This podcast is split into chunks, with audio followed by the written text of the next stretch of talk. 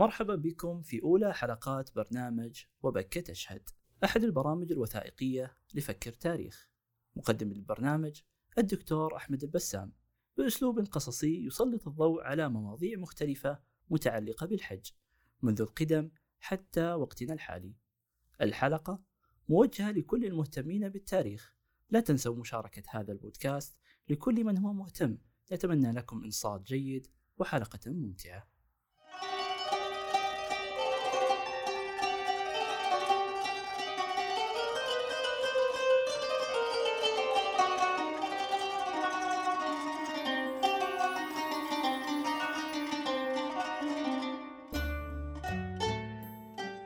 بسم الله الرحمن الرحيم.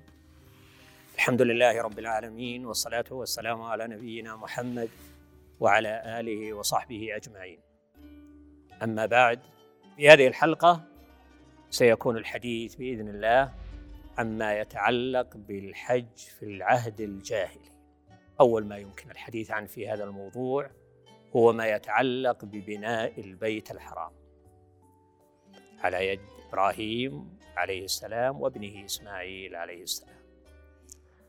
وأنتم تعرفون ما يتعلق في قصة مجيء إبراهيم عليه السلام بزوجته هاجر وابنه إسماعيل إلى مكة المكرمة. وأنه كان في رحلة إلى مصر ثم بعد ذلك عاد إلى الشام وكان له زوجتين سارة وهاجر. وسارة لا يأتيها أولاد. لكن في الأخير على كل حال كما تعلمون عندما جاء الملائكة وبشروها وبشروا إبراهيم بإسحاق ومن وراء إسحاق يعقوب. لكن قبل هذا هاجر كان لها الولد إسماعيل عليه السلام. فمن الطبيعي ما يتعلق بمسألة ما يحدث بين الضرائر ومنعا للإشكال وإكراما لزوجته سارة رأى عليه السلام رأى إبراهيم عليه السلام أن يذهب بزوجته هاجر وبابنها إلى مكان آخر ولعله ربما نوع من الوحي. فجاء بها إلى مكة المكرمة إلى أرض مكة وهي لا يوجد فيها شيء لا زرع ولا حتى الماء. كما قال إبراهيم كما قال القرآن نقلا عن إبراهيم عليه السلام ودعائه ربنا إني أسكنت من ذريتي بواد غير ذي زرع عند بيتك المحرم. ربنا ليقيموا الصلاة. فجاء بزوجته وبابنه إسماعيل وأعطاهما كمية ليست كبيرة من الطعام ومن الماء وكأنه أراد أن ينصرف. فكأن هاجر رضي الله عنها تبعته وكأنها تعاتبه عن رحيله وتركه لهما هكذا وهو لا يجيب عليه السلام. لكن في الأخير قالت له آه الله أمرك بهذا فأجاب بنعم. فقالت إذا لا يضيعنا. وذهب إبراهيم عليه السلام وعادت إلى ولدها أيام قليلة وانتهى الطعام وانتهى الماء. وبدأوا بالعطش ولعل الماء انتهى قبل. وأصبحت تبحث عن الماء. تذهب جهة الصفا وجهة المروة حوالي سبع مرات كأنها أشواط السعي.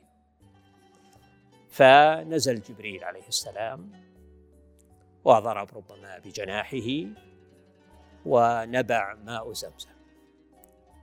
فجاءت رضي الله عنها وأسقت ابنها وكان سببا في نشأة مكة.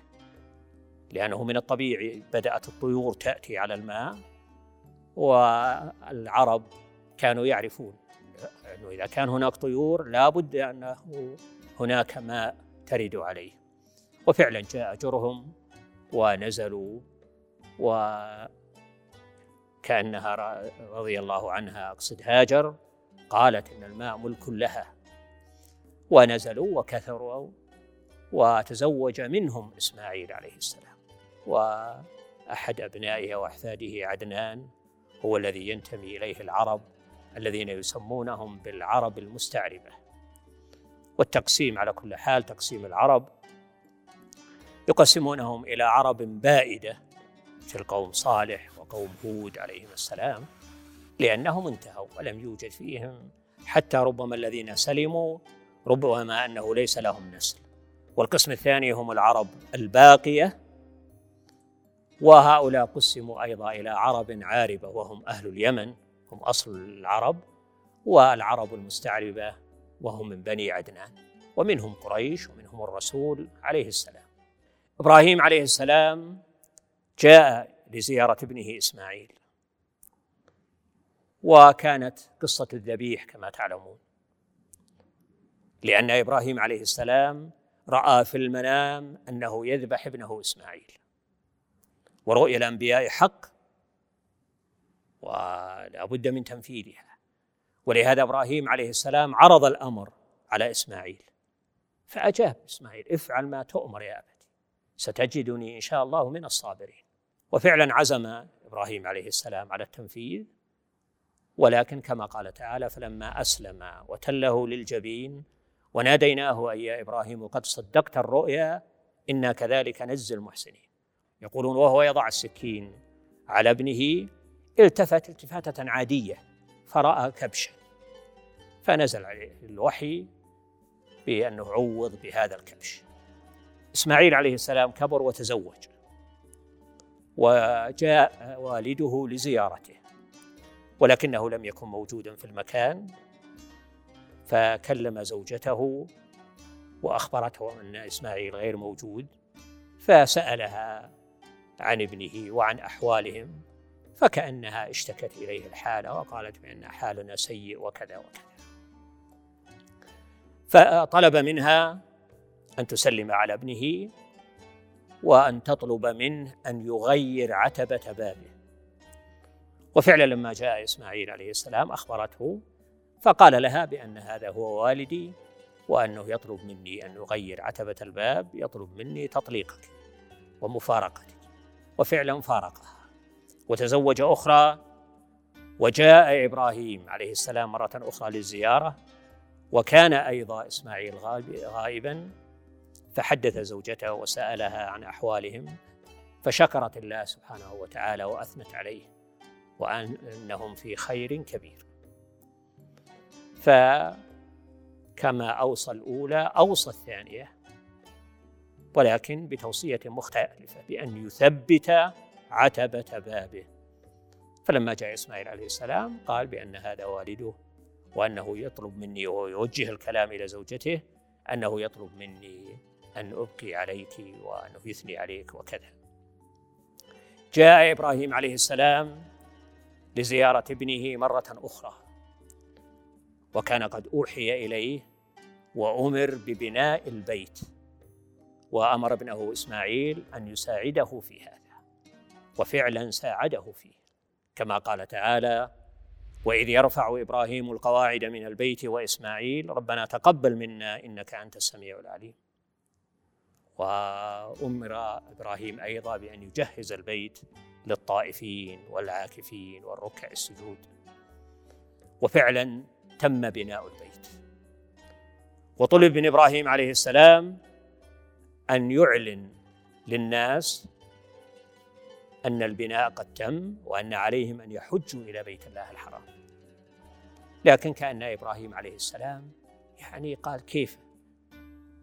أسمع الناس. لكن الله سبحانه وتعالى أمره بالإسماع بان يرقى على جبل قبيس أو غيره والله سبحانه وتعالى تكفل بإذنه. فقال تعالى وأذن في الناس بالحج يأتوك رجالا وعلى كل ضامر يأتين من كل فج عميق.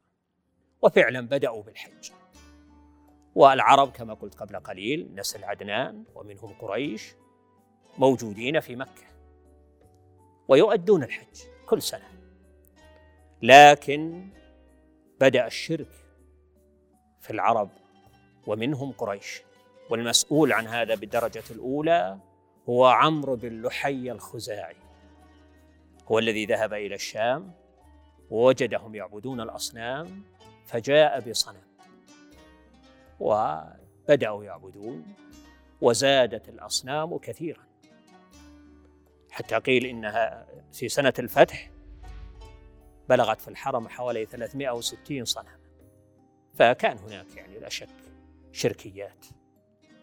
والشرك عند القرشيين مع انهم يؤدون الحج كل سنة. كان هناك شرك في القول وفي الفعل. في القول كانوا يلبون ويقولون لبيك اللهم لبيك لبيك لا شريك لك لبيك لكن يزيدون إلا شريكا هو لك تملكه وما ملك. وهذا لا شك أنه بعيد عن التوحيد. بالنسبة للأشياء الفعلية الممقوتة التي كانوا يعملونها كانوا يطوفون عراة في البيت في الليل. والسبب أنهم يقولون بأن ثيابنا غير طاهرة وأننا لا يمكن أن نطوف فيها. ولذلك يطوفون في البيت بدون ثياب ولكن في الليل. وبعضهم يستأجر ثيابا من قريش يسمونهم بالحمص وكذا وانهم بما أنهم جيران الكعبة وجيران الحرم أنهم مهيئون لأن يكونوا طاهرين فيستأجرون بعض ثيابهم. ولكن حتى القرشيين في صلاتهم في البيت ليست هي الصلاة المطلوبة إنما يصفرون ويصفقون كما قال تعالى وما كان صلاتهم عند البيت إلا مكاء وتصدية المكاء والتصفير والتصدية هي التصفيق. فعلى العموم الشرك كان منتشر لا شك مع أن هذا لا يمنع ان هناك أفراد قلائل يعتنقون الحنفية والنصرانية أيضا ولعلها ربما هي الأديان الموجودة مع أن النصرانية على كل حال خاصة ببني إسرائيل. فعيسى عليه السلام كان مرسولا إلى بني إسرائيل ولكن الذين يؤمنون به ويتعبدون الله لهم نصيبهم إن شاء الله في هذا. فكان موجود من الحنيفية موجود كان لبيد بن ربيعة وهذا قد أسلم. وكان موجود بعضهم لم يسلم في الأمية الثقفي من أبي الصلت وهذا كان عنده نوع من طلب العلم وشعره كان جيدا من ناحية العقيدة. ولهذا يروى أن الرسول عليه السلام قال آمن شعره وكفر قلبه. ولكن نعوذ بالله التكبر ربما هو الذي دعاه إلى عدم تصديق الرسول عليه السلام. وربما لقراءته وكذا كان ينتظر بعثة نبي. وكان يأمل أن يكون هو النبي المبعوث المنتظر. ولكن لما لم يكن هو رفض تصديق الرسول عليه السلام. ونزل القرآن بشأنه. يقول تعالى واتل عليهم نبأ الذي آتيناه آياتنا فانسلخ منها فأتبعه الشيطان فكان من الغاوين. ولو شئنا لرفعناه بها ولكنه أخلد إلى الأرض واتبع هواه. فمثله كمثل الكلب إن تحمل عليه يلهث أو تتركه يلهث. ذلك مثل القوم الذين كذبوا بآياتنا فاقصص القصص لعلهم يتفكرون. هناك من النصرانية ورقة بن نوفل ويبدو أنه قد أسلم كما في ظاهر كلامه. لأنه كما تعلمون كان الرسول عليه السلام يذهب إلى غار حراء للتأمل ليس هناك عبادة بشرائع ولما نزل عليه الوحي للمرة الأولى ونزل قوله تعالى اقرأ باسم ربك الذي خلق كأنه أصيب بالخوف بل بالرعب. فرجع إلى بيته يطلب أن يدثروه ويزملوه يغطوه. فخديجة رضي الله عنها استدعت ورقة بن نوفل وقال بأن هذا هو الناموس الذي يأتي موسى عليه السلام ويأتي الأنبياء يعني. ويروى عنه أنه قال ليتني فيها جذع أخب فيها وأضع. يعني رجل كبير في السن يتمنى أنه شاب يدافع عن الرسول عليه السلام وخاصة يوم يخرجه قومه. فقال عليه السلام ما معناه أو مخرجيهم؟ قال نعم.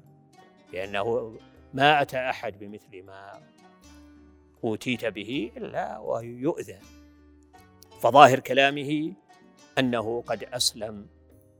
الرسول عليه السلام وهو في مكة نرجع إلى حجهم في الجاهلية كان يحج معهم.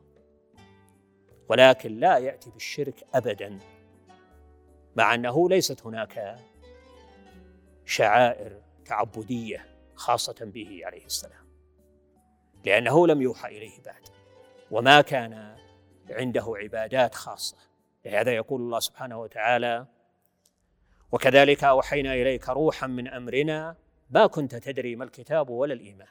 فما كان هناك شريعة ولها أحكام يطبقها الرسول عليه السلام. حتى كان ذهابه إلى غار حراء من أجل التأمل والانفراد والبعد عن الناس. لأنه عليه السلام كان يكره هذه الأشياء الموجودة عند قريش. الشرك وشرب الخمر ولعب الميسر كل هذه ما عملها أبدا.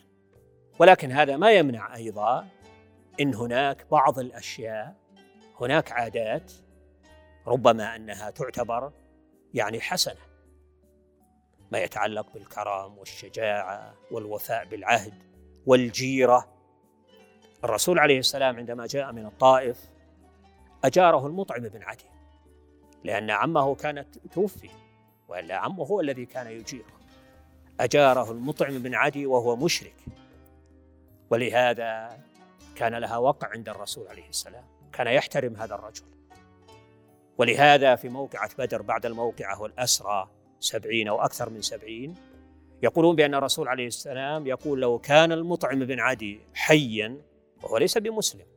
لو كان المطعم بن عدي حيا وطلب هؤلاء لأعطيتهم إياه أو كما قال الرسول عليه السلام. فعندهم عادات لا شك. أيضا مثل ما يتعلق بحلف الفضول. التعاهد الذي تعاقدوا عليه لنصرة المظلوم. والرسول عليه السلام حضر معه قبل أن يوحى إليه. كان عمره حوالي العشرين. وأثنى على هذا الحلف. وقال بأنه حضر هذا الحلف وأنه لو دعي لمثله في الإسلام لا أجاب. وسببه إن أحد المسلمين ولعله خباب بن الأرت أو غيره كان يطالب العاص بن وائل السهمي بمال وكأنه رفض تسليمه لما علم بأنه قد صبع كما يقول هو عن دينه يعني أنه قد أسلم. وأخذ يستهزئ وكذا ويقول أنه يعني في يوم القيامة سيكون لي أموال وأولاد وكذا وأوفيك حقك. فالحلف عقد من أجل هذا الرجل وأجبر على أن يدفع. ولعله هو المعني بقوله تعالى أفرأيت الذي كفر بآياتنا وقال لأوتين مالا وولدا؟ أطلع الغيب أم اتخذ عند الرحمن عهدا؟ كلا. سنكتب ما يقول ونمد له من العذاب مدا ونرثه ما يقول ويأتينا فردا ونقف عند هذه الحلقة لنلتقي إن شاء الله تعالى في الحلقة القادمة. وأسأل الله تعالى التوفيق والسداد للجميع. والسلام عليكم ورحمة الله وبركاته.